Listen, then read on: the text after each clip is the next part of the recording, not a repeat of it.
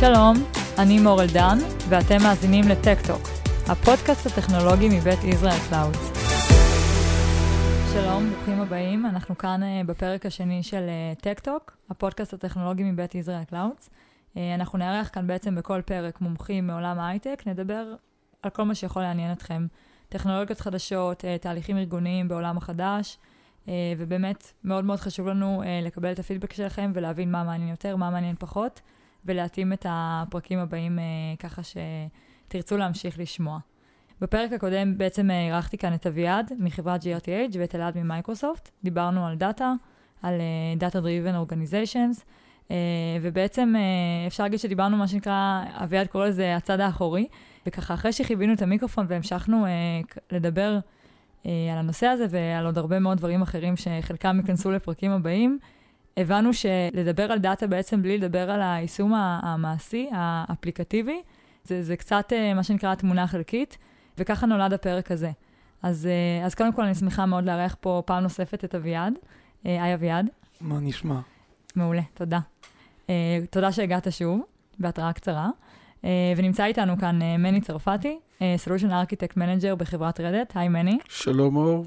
מה נשמע? מצוין, בסדר גמור. מוכנים לעבודה. מעולה. אז אני ככה אזרוק את הבדיחת קרש הידועה לפני שנתחיל, מה שנקרא לשבור את הקרח. איפה הכובע האדום? אה, במשרד, הוא יושב על המחשב שלי. הבנתי. על המסך של המחשב, ואנחנו לוקחים אותו לכנסים. מעולה. אז... נכון, אני תמיד רואה אתכם אה, ככה בולטים עם הכובע. אם תגיעי אבל למשרדים שלהם, הם גם מחלקים כובעים כאלה, תוכלי לקבל גם, אנחנו גם קיבלנו. אני מחכה להזמנה. קיבלת. Uh, טוב, אז אני אשמח רגע שככה תציגו את עצמכם, גם אביעד, uh, לא כולם uh, מכירים. טוב, אז uh, אני אביעד פניגשטיין, uh, CTO uh, בחברת GRTH. Uh, באופן כללי GRTH uh, היא חברה שמתעסקת בעולמות ה digital and cloud. גם מהצד הפיתוחי, יש לנו בית פיתוח uh, גדול uh, שעובד uh, בכל העולמות האלה, ומהצד השני קבוצת מומחים שנקראת uh, ב brand To Be Cloud. של ארכיטקטים מומחים, ארכיטקטי ענן, ב public וגם uh, פה עם Red Hat ב hybrid וב private cloud, uh, שיודעים uh, לקחת לקוחות למסע ה digital and cloud שלהם. אנחנו partnerים באמת של Red Hat, עובדים איתם הרבה על הטמעות של ענן כזה ואחר, ובנוסף של Databricks, של Redis Labs, הרבה שותפי open source, מה שנקרא כאג'נדה של החברה שלנו. אוקיי, okay, מעולה.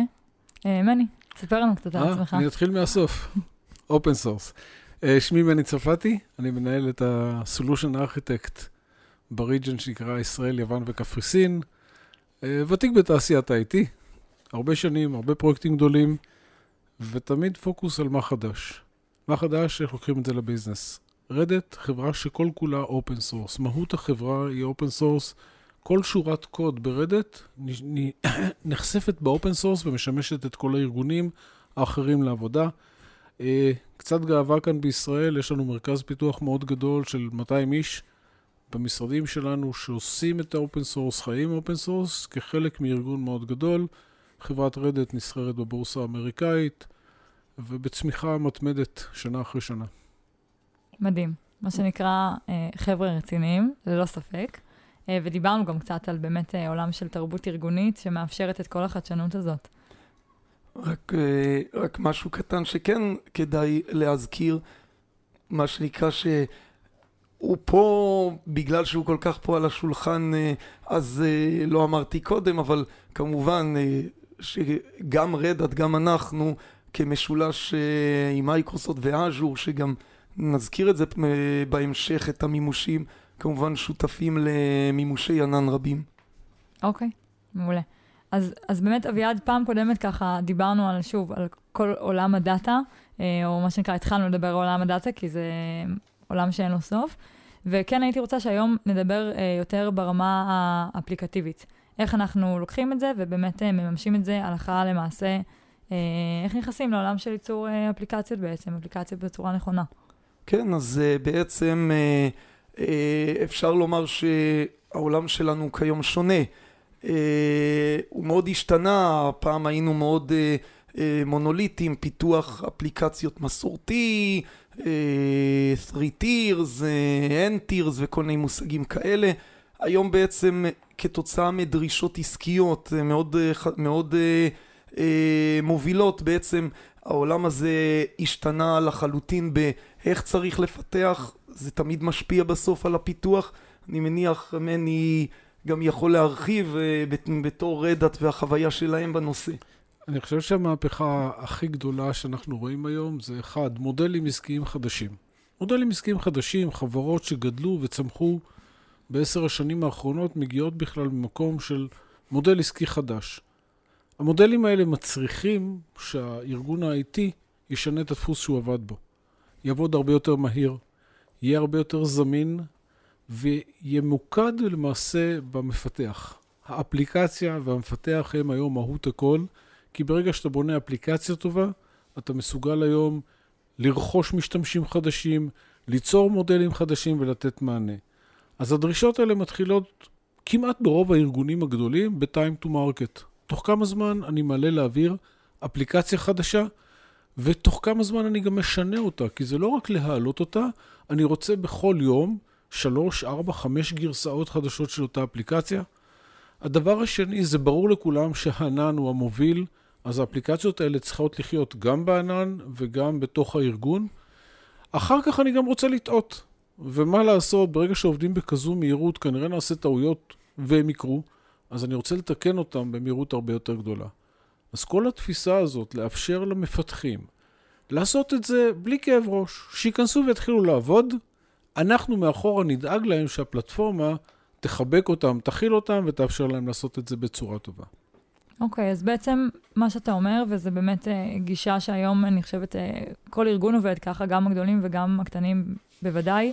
היום אנחנו לא מחכים לגרסה המושלמת אה, ועובדים עליה במשך אה, חודשים ארוכים, אלא בדיוק ההפך. אנחנו מצד אחד לא מתפשרים על איכות, אבל מוציאים גרסה ראשונית, ומאותו רגע אנחנו רק עובדים על לשפר ולשפר ולעדכן. ממש כך, אבל המפתחות הם, הם שונים, זאת אומרת, כדי לאפשר את זה, אני צריך לדאוג שהאפליקציה תהיה כתובה בצורה כזאת, שהיא לא, אה, לא תקלקל. זאת אומרת, אנחנו קוראים לזה מודולריות. אנחנו בונים חלקים מאוד קטנים, זה ה-microservices, חלקים מאוד קטנים, שאין ביניהם dependencies, שהם יכולים אחד לשפר את השני, ואם קורה משהו, גם התקלה היא מקומית בלבד. זאת אומרת, אני יכול לתקן את כל המערכת מסביב, תוך כדי עבודה, ולאפשר גם למפתחים להוציא גרסאות בקצב הרבה יותר מהיר.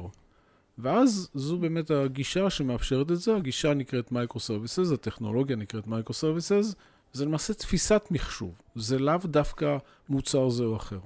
אוקיי.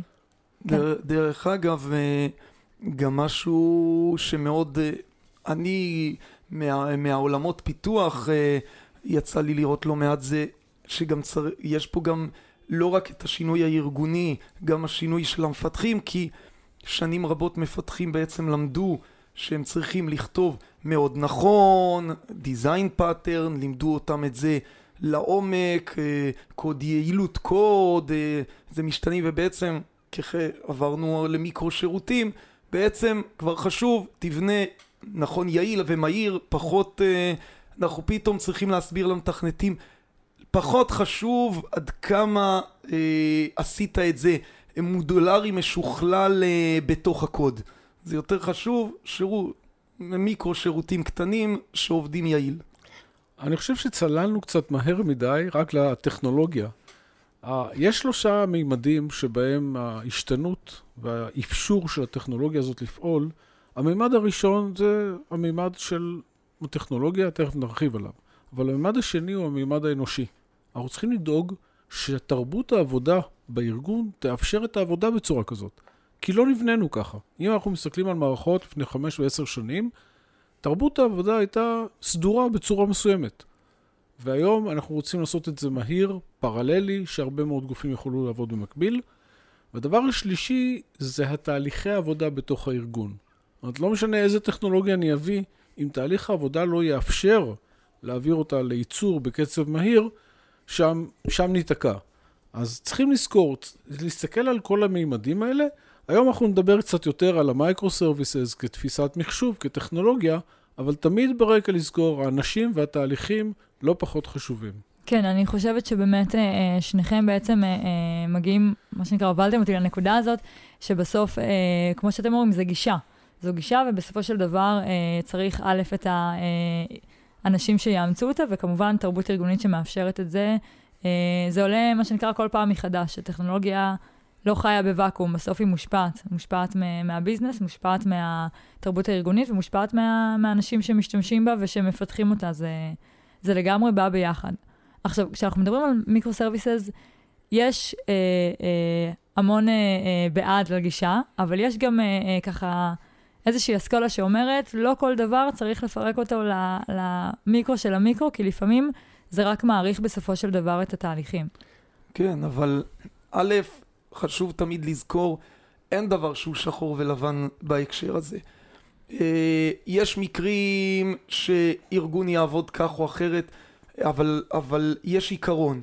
קודם כל, בשביל זה צריך, לא כל מפתח מחליט מה מיקרו שירות. צריך לש... באמת לסדר, להבין מה כן נכנס ביחד, מה לא נכנס, כמה, כמה זה נקרא קטן, שזה עכשיו micro service, service אחד קטן, כמה זה, אה, מה, מה כן אפשר לחבר יחד.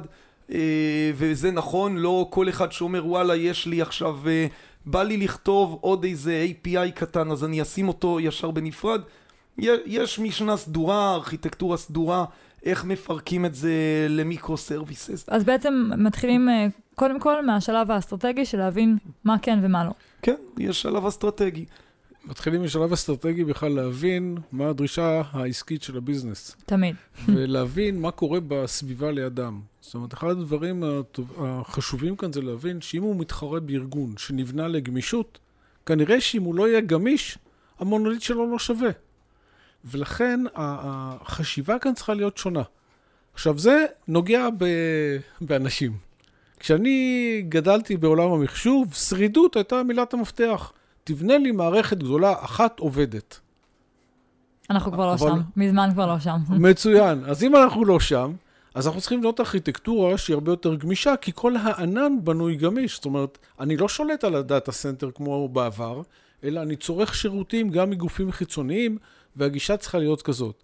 אז לשאלתך על הנושא הזה של הסיבוכיות, כן. מייקרו סרוויסס יותר מסובך. האם להישאר במונוליט? כנראה שאם תישארו במונוליט, אתם תהיו לא רלוונטיים תוך תקופה מאוד קצרה. זאת אומרת, לא תוכלו לעבוד בקצב השינויים, לא תוכלו לעבוד במהירות הזאת. אז לא כל דבר מתאים ל microservices, אבל רוב הדברים היום בעולם, ואם אתם תסתכלו על התחרות שלכם, שרובה מגיעה מספקי פתרונות ענן גדולים, אם זה Google, Amazon, Facebook, הם כבר בנויים בטכנולוגיה הזאת. הם חושבים בצורה הזאת. ואתם מחר בבוקר צריכים להתחרות מולם, אתם צריכים להיות בעלי יכולת גמישות כמו שלהם. כי הם מוציאים גרסה שלוש פעמים ביום.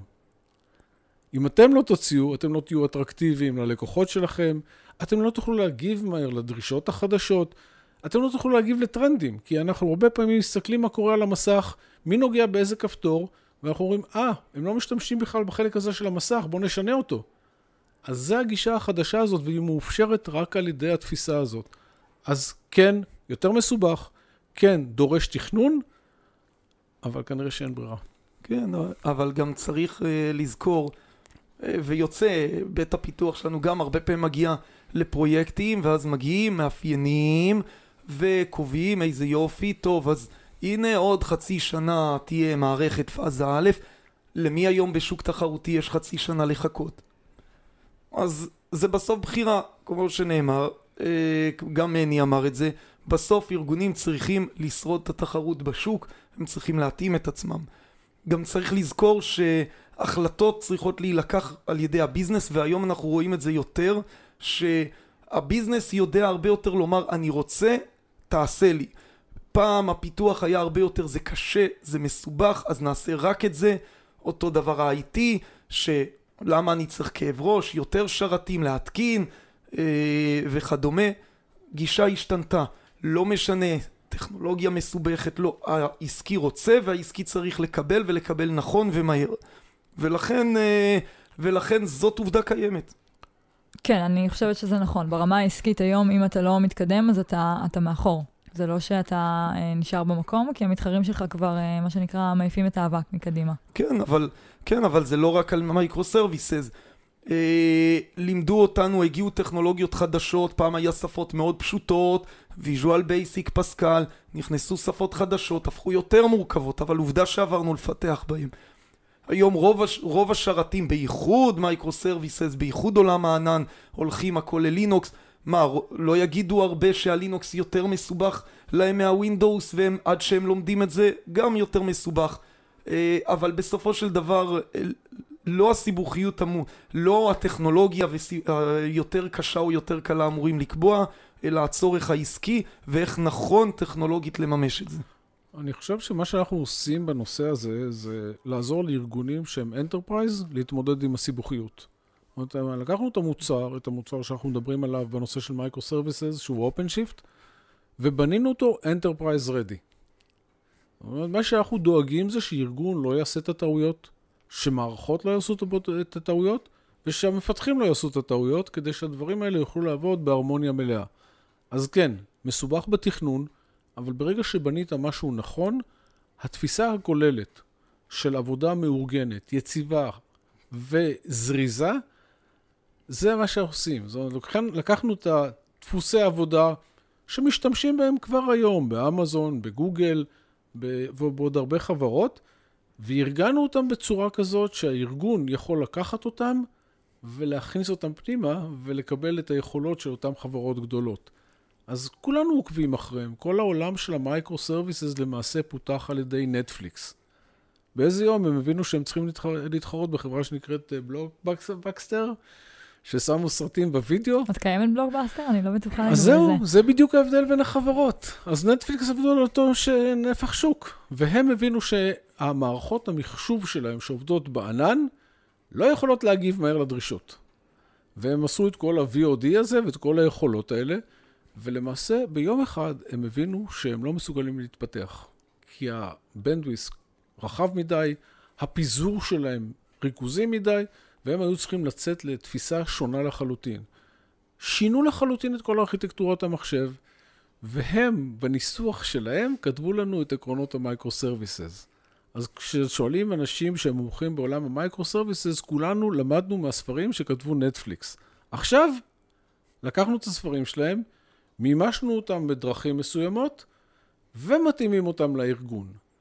אז זה בדיוק מה שקורה בעולם החדש הזה. זאת אומרת, ארגונים חושבים, מייצרים משהו חדש, בונים ארכיטקטורה חדשה, ובדיוק לשאלתך, אז אחד לא קיים, והשני אה, פורח עד אינסוף.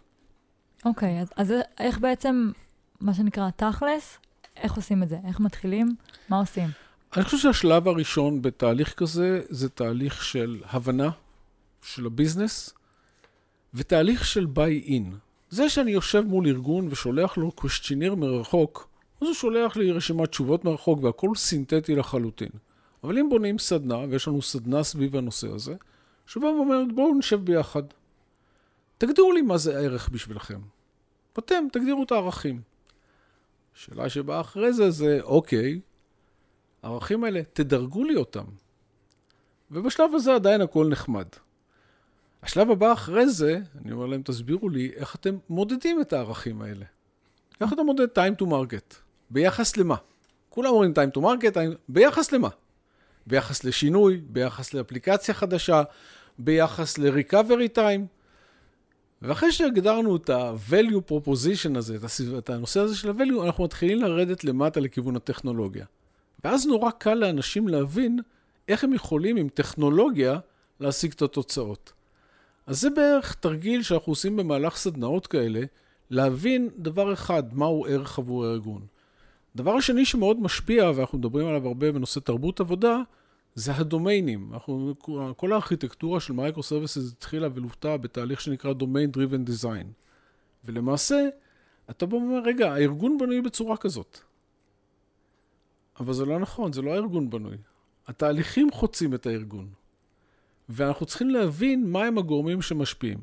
אז תהליך כזה של סדנה, שנמשך בערך יום, יום וחצי, יוצר בסופו של דבר מפת דרכים שאומרת, אוקיי, אני נמצא פה, אני רוצה להגיע לפה, אלה הנושאים שאני צריך לטפל בהם, אלה הפערים הגדולים שיש לי, ותוכנית עבודה עקרונית.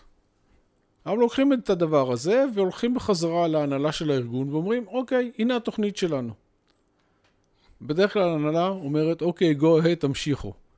והדבר הכי מרתק שקורה זה שההנהלה לא רק אומרת להם, אוקיי, go ahead, תמשיכו, אלא הם בונים צוות אוטונומי, שמכיל שם אנשי security, ואנשי אבטחת מידע, ואנשי אפליקציה, ואנשי תהליכים, ואנשים business ים, כצוות אוטונומי לבנות את הבסיס.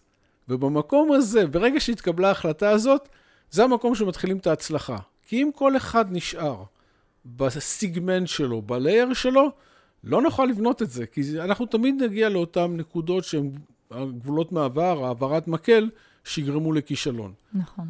אז, אז בנושאים האלה באמת אנחנו מנסים להגיע למצב של בניית צוות נכון, התהליך הנכון והטכנולוגיה.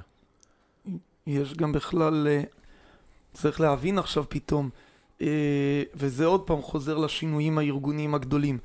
כי כל ארגון אמר מה הבעיה, נשים את הביזנסמן, הוא יגיד אני רוצה, בדרך כלל הוא אומר משהו מאוד כללי אני רוצה, ואז הצוות פיתוח יבוא, בדרך כלל יש לו איזה מנתח מערכות, שמה שהוא יודע זה לשרטט תהליכים אה, פונקציונליים, ובדרך כלל הוא חושב פיתוח, ואז הוא ישרטט.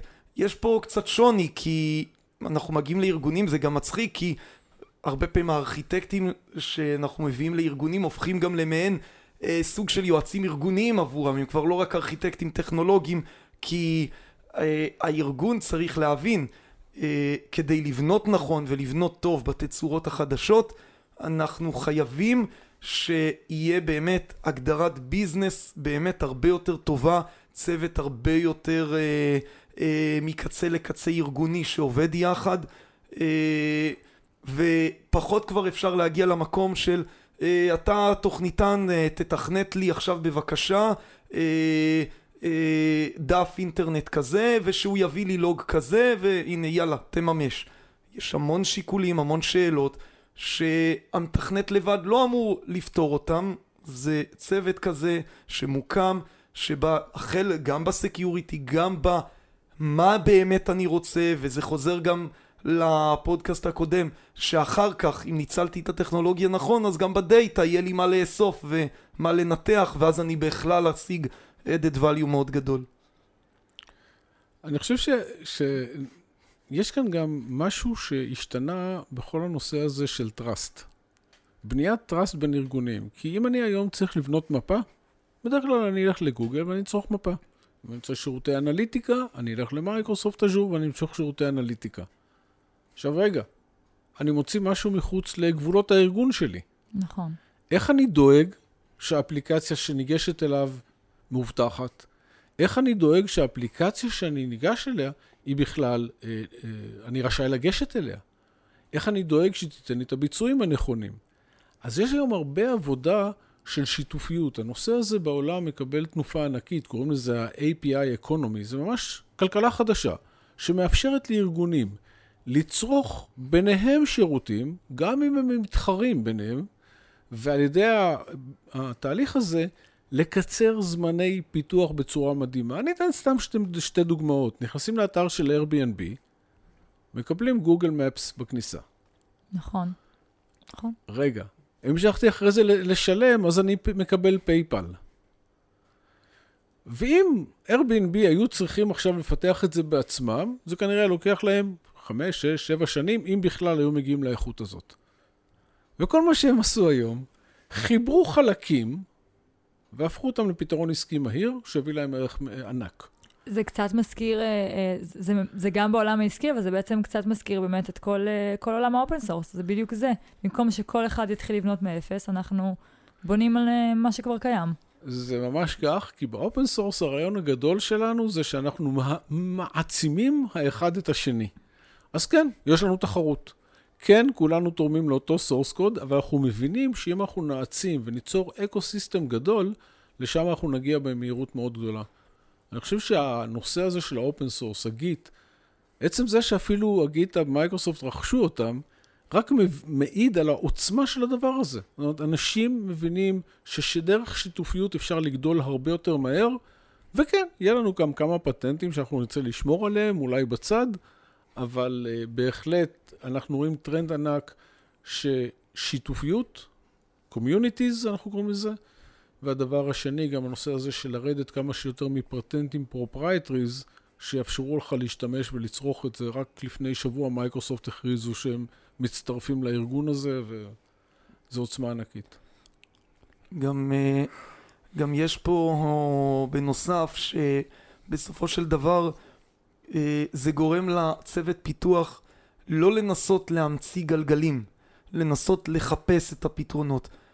אה, זה, זה חשוב להבין שמתכנת טוב היום זה לא בהכרח המתכנת שידע לכתוב יותר מהר וטוב פתרון מושלם, זה מי שקודם כל ידע למצוא את הכלי הנכון להיעזר בו ולהשתמש בו ולכן אה, אה, את האמת גם קהילת האופן סורס קצת, אה, קצת מלמדת אולי אפילו סוג של צניעות מהי כי אדוני פיתחו כבר דברים אתה יכול להיות תותח על זה בסדר בוא בוא נתפקס ב...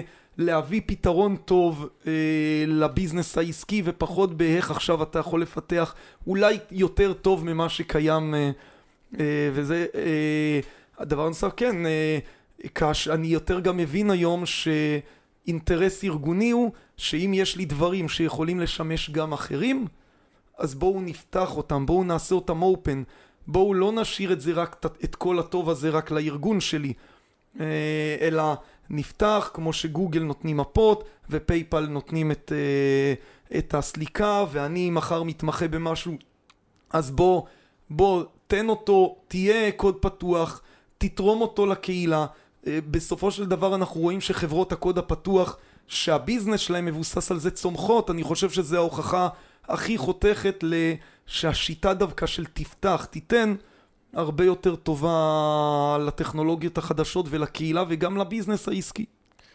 אני חושב שקוד פתוח במהותו, בגלל שדיברתי על הנושא הזה של trust, trust אתה בונה בשקיפות. ברגע שיש שקיפות, ואתה רואה את הקוד, ואתה יכול לגשת אליו, אתה בונה את הטראסט. עכשיו זה מתחיל בקוד של קוד רגיל, וזה ממשיך דרך דפוס עבודה של ארגון.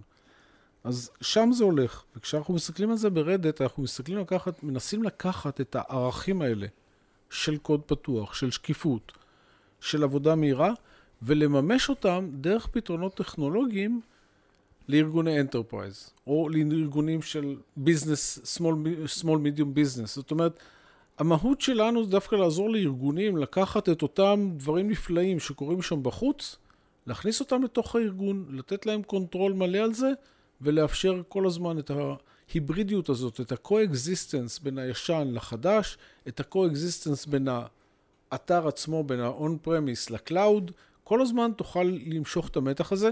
אני חושב שהמתח הזה גם מדהים, כי חדשנות לא מגיעה מקומפורט זון. חדשנות תגיע ממקום שאנשים קצת בלחץ, מאנשים בתנועה, מאנשים תחת... לא, לא מהקומפורט זון. לפעמים יש כמה יחידי סגולה שמגיעים משם. החדשנות בדרך כלל מגיעה ממקום פחות נוח, ואז האפשור הזה, גם לארגונים גדולים וגם לארגונים קטנים, להתחבר לזה, להשיג תוצאות מהירות, זה אני חושב המפתח המרכזי. אנחנו מנסים ליישם אותו בצורה שתהיה מספיק מאובטחת וטובה ויציבה, אבל בצורה שתאפשר לכולם להתחבר אליה. והקוד הפתוח וכל התפיסה הזאת של פתיחות ושקיפות, זה המפתח לעבודה הדדית. תראו, אפשר לראות, הנה, הכל התחיל מיסוד של איזשהו לינוקס בסיסי. איך הלינוקס אה, תרם, איך הוא היום מהותית בעולם, התרומה שלו. אה, היות ואנחנו מדברים, אה, גם נדבר עכשיו על OpenShift, אז כל העולם של containers, היה, היה Lin, את כל עולם הלינוקסים, היה צורך של מיקרו שירותים, קם עולם ה containers שפתאום יכול לנהל אותם אה, הרבה יותר מהר, הרבה יותר טוב, שוב, מהקוד הפתוח, מהצורך, מקהילות, אה, ומשם אחר כך לנהל את זה עם Kubernetes, ובעצם, ובעצם משם אה, להגיע עד Enterprise Ready עם OpenShift. אז, אז זה בדיוק הנקודה, וזה מדהים, כי כשאני מסתכל עכשיו בפרספקטיבה מאחור, אני אומר, זה בדיוק צמח איך שזה צריך לצמוח. אחד, לינוקס זה אה, אה, קונטיינר, זה תכונה של לינוקס כבר שמונה, שבע שנים. זה היה קיים שם, יכולנו להשתמש בה תמיד. ואז הגיעה חברה ושיפרה את זה, חברה Docker, שיפרו את זה, בנו פורמט סביב זה. ואחר כך באו ואמרו, אוקיי, קונטיינרים, נפלא. זה בסך הכל process של לינוקס. זאת אומרת, אם אני אשאל איש system, תיכנס דרך ה-command line ללינוקס ותסתכל מה קורה, הוא יגיד, אה, קונטיינר זה process לינוקסי. וזה מתחיל להיות אנרכיה. איך אני מנהל את כל הכמות הזו של הקונטיינרים? ואז באו גוגל ותרמו את ה Kubernetes, שזה המנוע הגדול שמנהל קונטיינרים, נותן הרשאות, נותן יכולות. ואז אנחנו באנו ועטפנו את זה בעוד מעטפת. עכשיו, אנחנו היום ה contributor מספר 2, לא היום, כבר בארבע שנים האחרונות, ה contributor מספר 2 ל Kubernetes. כל קוד שאנחנו תורמים לתוך המערכת הזאת, כולם יכולים להשתמש בו. זאת אומרת, אני יכול לעבוד ארבע שנים, ועכשיו מישהו הלך לפרויקט, הוריד את זה, זה שלו. אבל זה התפיסה שאומרת, זה לא רק שתרמתי, אני גם משפיע על הפרויקט, אני יכול לקבוע כיווני התפתחות שלו, אני יכול לקבוע לאיפה הוא יגיע. אני יכול גם לקבוע, להיות שותף להוויה החדשה הזאת שנוצרת סביב הדבר הזה. אז ה OpenShift זה ממש לקחת את כל החבילה הזאת, החל מאותו Docker שהיה בתוך הלינוקס, החל מאותו process שהיה בתוך הלינוקס, הפיכתו עם Docker format, הפיכתו למנוהל על ידי Kubernetes. וה OpenShift שארז את הכל ומשאיר את זה בכל רגע נתון קוד פתוח. זאת אומרת, OpenShift, וזה כאן העבודה, נקרא לזה אפילו הכיפית, שאנחנו עושים עם Red Hat, זה ברור לחלוטין שמחר בבוקר הם ניגשים לפרויקט שנקרא Origin, שהוא הרפליקה של OpenShift, ויש להם את כל הקוד שם. זה משהו אחר שמייצר גם את ה trust. מי שעובד איתנו יודע, אף אחד לא יחכה לו בסוף אם זה קוד proprietary כזה או משהו שהוא סגור אליו. אז אני חושב שגם כשמסתכלים על הפרויקט הזה, מסתכלים על כיווני ההתפתחות שלו, זה עולם חדש. גם צריך לזכור שזה הדרך הכי קלה להעביר, אה, להעביר לארגוני ה enterprise באמת את הטכנולוגיות הנכונות. כי בסוף ארגון enterprise בסדר, הבין, הוא רוצה microservices, רוצה containers, לוקח Kubernetes, אבל הוא צריך אה, איזשהו compliance. מעבר ל compliance, הוא, הוא בכל זאת רוצה לממש שם אה, אה, מה שיקרא אה, איזשהו governance ויכולות, דברים ש enterprise צריך כדי אה, להיות בשל. ואז הוא יודע שהוא יקבל, הוא יודע שהוא כבר אה, מנוהל גם ברמה של אתה צריך SSO מול הארגון. בסוף לארגון יש, אה, יש אה, סביבה, יש אה, רשת, יש יוזרים, זה צריך להתחבר, הוא security גבוה ולכן זה מאוד מאוד קל כי ארגון יכול לקבל Kubernetes מלא בתוך OpenShift, לקבל אותו ב enterprise ready הכי גבוה וגם למיטב הבנתי גם לעשות סוג של אני גם בענן, אני גם בבית, בואו נהיה hybrid זה בדיוק היכולות הגדולות. הנושא הזה שהקונטיינר הוא portable. התפיסה אומרת, איפה שתשים קונטיינר הוא ירוץ ויעבוד. אבל זה שהוא עובד, זה סיכון גדול, כי הוא גם יכול להיות העתק על ידי גורמים של האקרים או דברים כאלה. אז אתה צריך לנהל אותו, להבין איפה הוא נמצא, לתת לו quality of service. המעטפת הזאת כולה זה ה Kubernetes, ומעל זה ה-OpenShift מאפשר את זה גם בתפיסת Enterprise. כולל עמידה בסטנדרטים הכי מחמירים של ה-Department of Defense וגופים נוספים, שלמעשה לוקחים את זה ועושים את זה Enterprise Ready. אבל רק, רק כדי להבין עד כמה זה מורכב לתחילת הרעיון, ל Kubernetes יש גרסה כל שלושה חודשים. פלטפורמה שמריצה מאות יישומים, ובמקרים שלנו יש לנו לקוחות עם עשרות אלפי קונטיינרים, עשרות אלפי קונטיינרים שעובדים בו זמנית. כל שלושה חודשים מתחלפת הפלטפורמה, המנוע למטה. זה הקצב. זה קצב אחר שלא רגילים. עכשיו, אנחנו רצים עם זה, ויש לנו כל הזמן roadmap לאיפה אנחנו מתקדמים. הלקוחות אומרים, לא, לא, אני כבר רוצה את מה שבעוד שתי גרסאות, אני כבר רוצה את זה עכשיו, כי זה מרתק, זה מהפנט. אז באמת מה שאנחנו רואים זה ההשתנות הזאת, לקחת דבר כזה כל כך דינמי, כל כך מורכב, ולהפוך אותו ל enterprise ready. זה המומחיות. בסוף כל התכונות נמצאות ב open source באותה מידה. אז מני, מה, מה בעצם השלב הבא, או ככה איזה חידושים צפויים לנו, אם אנחנו כבר מדברים על הגרסאות הבאות? וואו, זה באמת מרתק. זה באמת מרתק. כי זה הולך לשנות עוד יותר את הארגון המחשוב. אחד הדברים הכי הכי מרתקים זה, קוראים לזה mesh computing. איך אני בונה רשת של מחשבים, שלמעשה האפליקציה מחפשת את הרשת. תמיד עשינו רשת כלפי אפליקציה, עשינו provisioning של רשת כלפי אפליקציה. היי, hey, mister אפליקציה, קח תשתמש ברשת. עכשיו אנחנו מצמידים את הרכיב של הרשת לאפליקציה, והיא תוכל לחפש באיזה רשת לרוץ. כמובן, תחת policy governance מאוד סטריקטים, אבל זה משנה גישה, כי אני אתן לך עכשיו איזה קונטיינר כזה, את תשים אותו אצלך בבית, והוא ידע לחפש לאיזה רשת לצאת, הוא יגיד לך, אני רוצה לצאת דרך רשת א', ב', ג', ואז תוכלי כבר לעשות אפליקציה עובדת. העולם הזה נקרא איסטיו, עולם מרתק, זה נקרא Mesh Computing, למעשה, לשים רשת גדולה. עכשיו, אם אני, כשאני מדבר היום עם אנשי נטוורק, אנשי רשת, הם, הם רוצים להרוג אותי. אני, אני מהפכן, אה, אני צ'ה גווארה של העולם המחשוב. זה, זה, עולה, זה, לא, זה לא נתפס. אבל זה ברור לכולם שזה הולך להיות. זאת אומרת, אם ירצו לא ירצו זה יקרה. גוגל שם, ו-IBM שם, ו Red Hat שם, כולנו נמצאים שם, זה ברור שזה יקרה. אז העולם הזה יש, ישנה פעם נוספת את כל התפיסה הזאת. בגרסה הנוכחית של OpenShift זה נקרא Technology Preview, בגרסה הבאה זה Production. התחום השני זה נושא של אקו.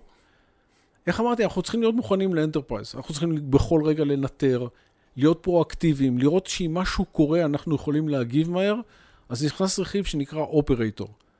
עכשיו, operator זה טכנולוגיה שלנו, שידענו לעשות אותה יפה, אבל הבנו שבלי האקו בחוץ, לא שווה הרבה.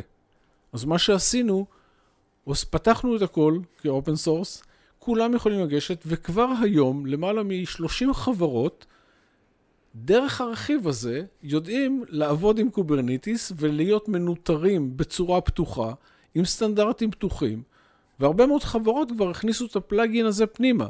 ומה שזה אומר שהם לוקחים את ה Kubernetes, אנחנו מעדיפים שזה יהיה עם ה OpenShift שלנו, עם מעטפת ה OpenShift, וב-day one האפליקציה שלהם מנוטרת כפי שהם היו רוצים. אז זה מאפשר עכשיו להגיד, היי, מר Kubernetes, תפיץ לי עוד שרת, תפיץ לי עוד CPU, תפיץ לי עוד network, בצורה הרבה יותר פרואקטיבית.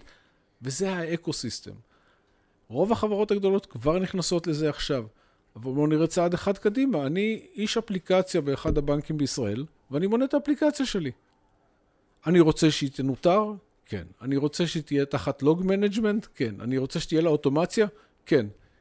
קח, תשתמש ב-SDK הזה, והמערכת תעשה עבורך הכל.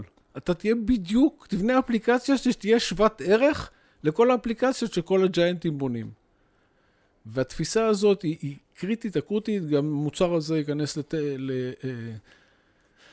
אה, זה כרגע בטק פריוויו, בגרסה 4 שתצא בסוף השנה, הוא כבר יהיה לכל המשתמשים, כולם יכולים לעבוד עם זה, כולל מפתחים בתוך ארגונים שיוכלו לבנות בעצמם את העולם הגדול שלהם. אז מצד אחד, כאילו, אנחנו עושים להם סיבוכיות, מצד שני, אנחנו בונים להם פלטפורמה שתאפשר את כל הדברים האלה. זה, זה, בעת, זה בעצם, אה, אה, אפשר להגיד, OpenShift הופך יותר ויותר ל-private cloud, ל-private cloud של הארגון.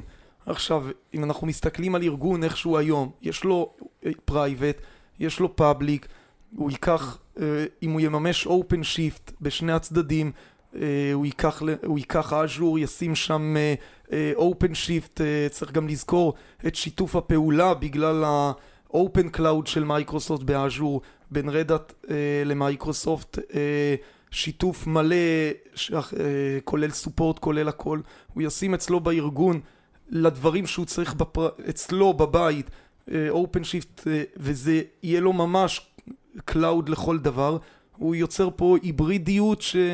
ובעצם סוג פיתוח אחד לכל המקומות, עם ניהול מלא, עם שליטה. אני חושב שכשאני מציג את ה-OpenShift, השורה הראשונה שמופיעה שם זה Self-Service. אתה, אדוני המפתח, בוא תתחיל ליהנות מחוויית העולם הגדול, ה-cloudים הגדולים, גם ב-on-premise. גם בלפטופ שלך שמנותק מכל העולם. יש לך self-service, תבקש, תצרוך שירותים, חלקם מתוך הארגון, חלקם מחוץ לארגון, ואני אדאג שננטר לך את זה, ואני אדאג, אני, אנחנו נדאג ש, שנעשה לזה monitoring נכון, ונעשה לזה security נכון, ונעשה לזה logging נכון, וזה בכל הסטנדרטים של enterprise. אז הפוקוס באמת עובר לאפליקציה ולמפתחים, שיהיה להם קל, שיהיה להם מהר, שלא יעשו שגיאות. שיתעסקו בעיקר, מה שנקרא.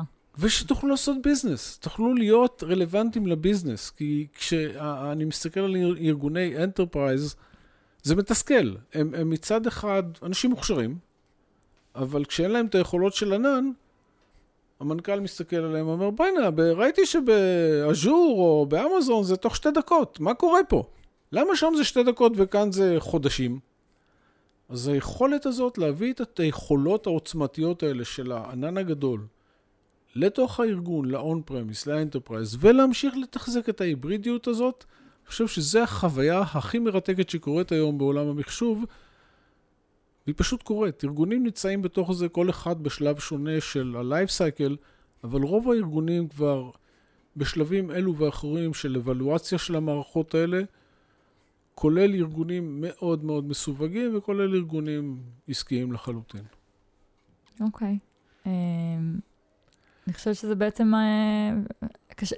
חזון אחרית הימים אולי יהיה קצת מוגזם להגיד, אבל, אבל זה צעד מאוד משמעותי. אני חושב שכן. אני חושב שאם אני יכול לקחת חצי תגע זמן של פרסומות, יש לנו כנס ב-12 ל-11, ב-12 לנובמבר, אוקיי. Okay. שיהיה ב-Avenue, זה נקרא Reddit Forum. Uh, אתם מוזמנים להגיע לשם, תעשו רישום מסודר באתר, Reddit Forum, ישראל. כל החידושים האלה, גם נדבר עליהם, גם נציג אותם, יהיה גם עמדות התנסות שאנשים יוכלו לעשות את הדבר הזה בעצמם.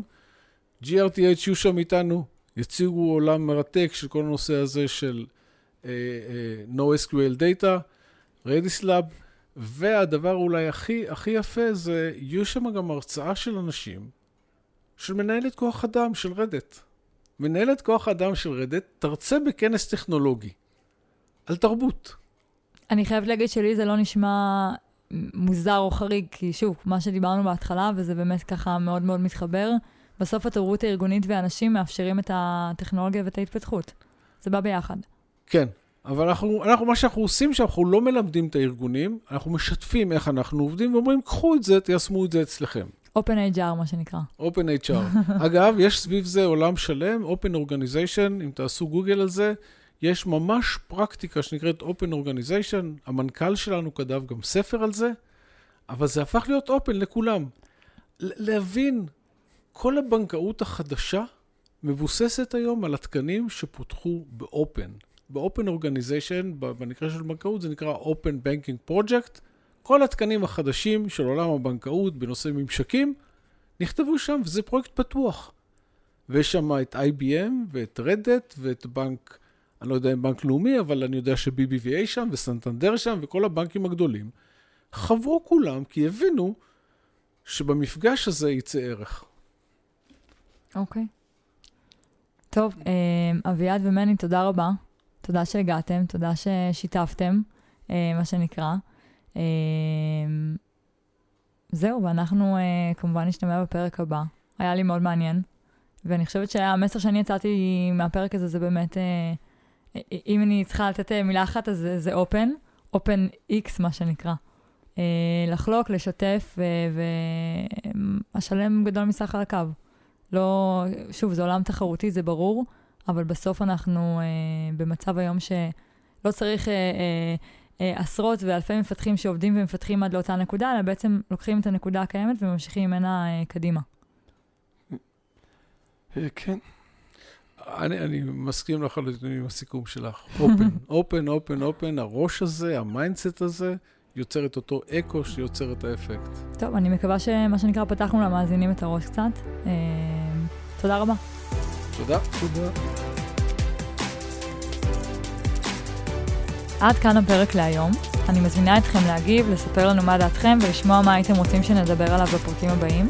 ואתם כמובן תמיד מוזמנים לפנות אלינו בפייסבוק, בלינקדאין, מייל, דרך האתר. אנחנו רוצים ומצפים לשמוע מה דעתכם.